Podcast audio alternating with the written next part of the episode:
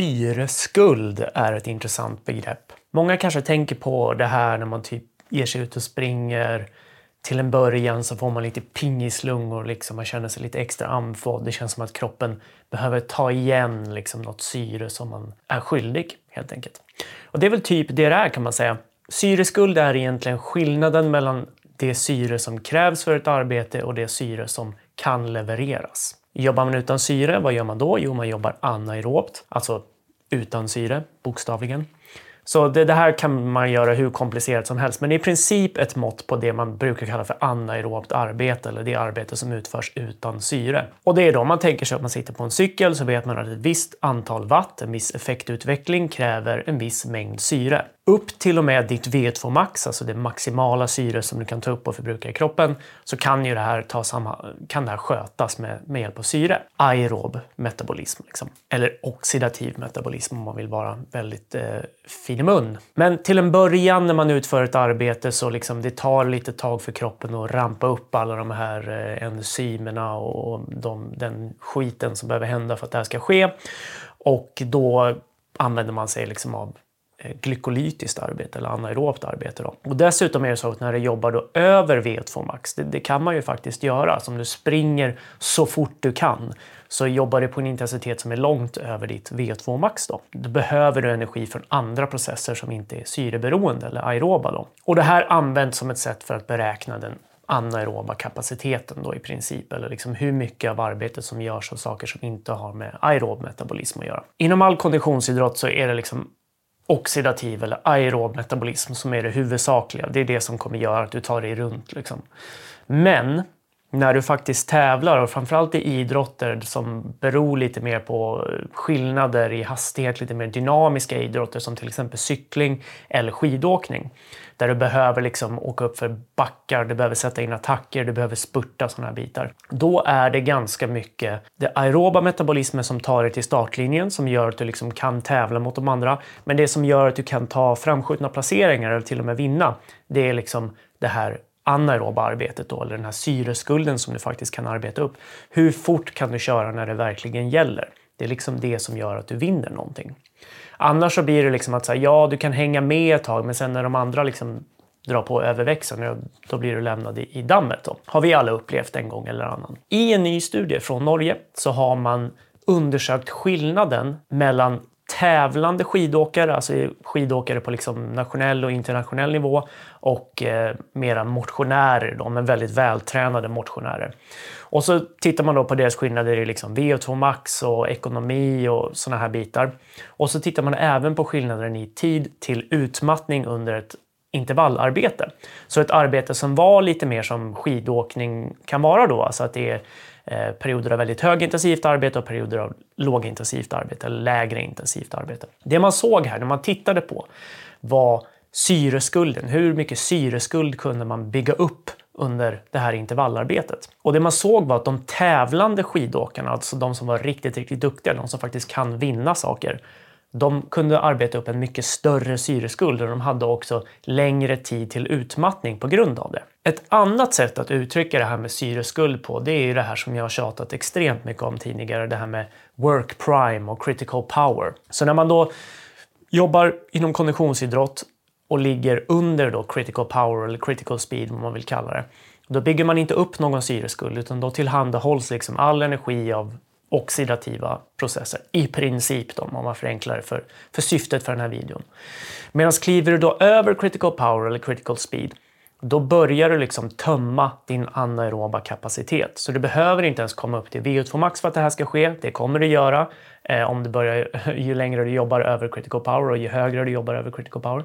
Men du behöver inte gör, liksom, arbeta på den intensiteten som de testar fram vid ett VO2 max-test för att du faktiskt ska börja tömma din anaeroba kapacitet.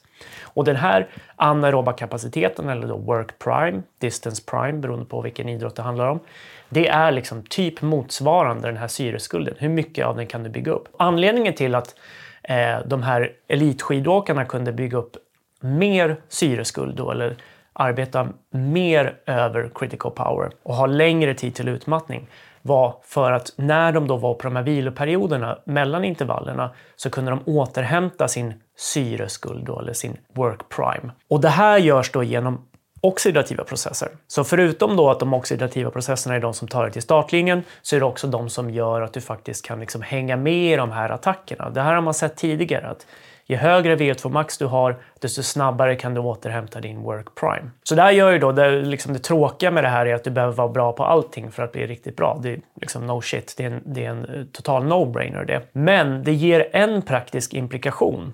För när jag säger då att det som gör att du faktiskt kan vinna saker, det är din work prime då, eller hur mycket syreskuld du kan upparbeta.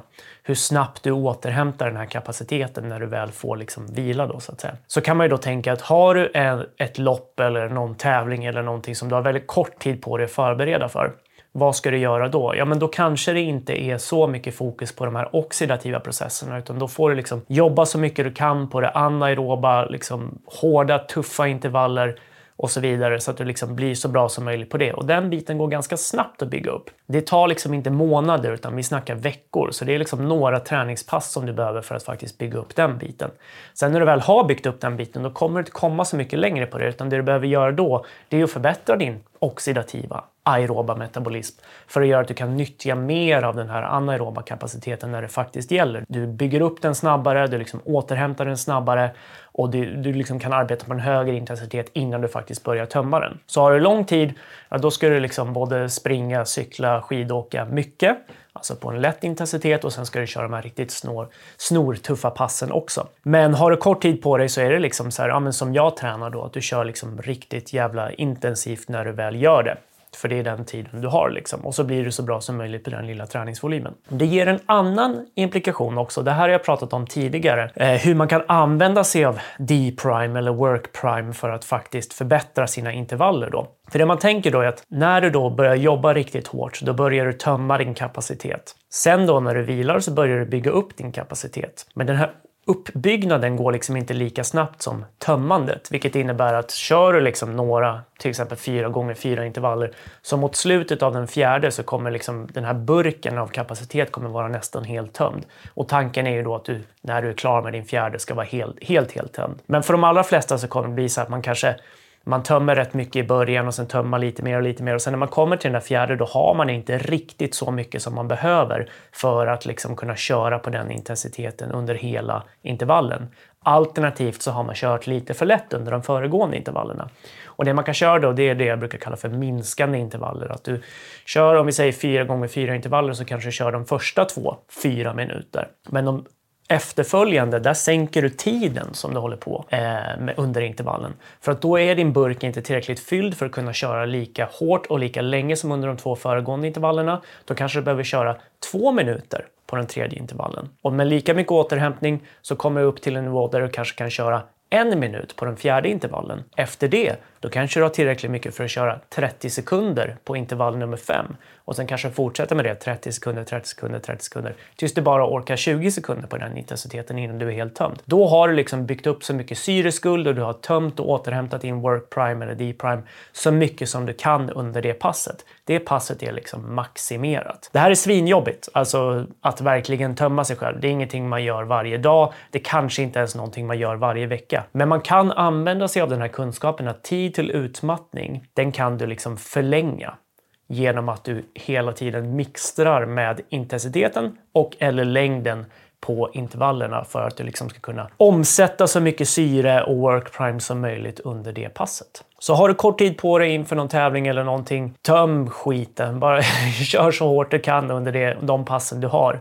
Har du lång tid på dig, då ska du köra allting. Då ska det vara mycket lågintensivt, det ska vara lite högintensivt och så ska det vara en del medelintensivt och så varierar det där över perioder. Där kan man gå in i all evighet hur man ska göra. Men har du kort tid på dig, använd den här kunskapen om att det viktiga, det som avgör om du kommer kunna göra någonting av den kroppen du har vid det läget, det är liksom hur mycket syreskuld du kan omsätta under själva tävlingen. Coola grejer! Det här visar varför elitidrottare är bättre än oss andra och det är ju alltid liksom upplyftande att veta att man är en sopa. Men eh, det ger också någon form av hint om hur du kan göra för att göra det bästa av situationen och kroppen du har just nu. Det var det hela. Jag tackar så mycket så ses och hörs vi när vi gör det.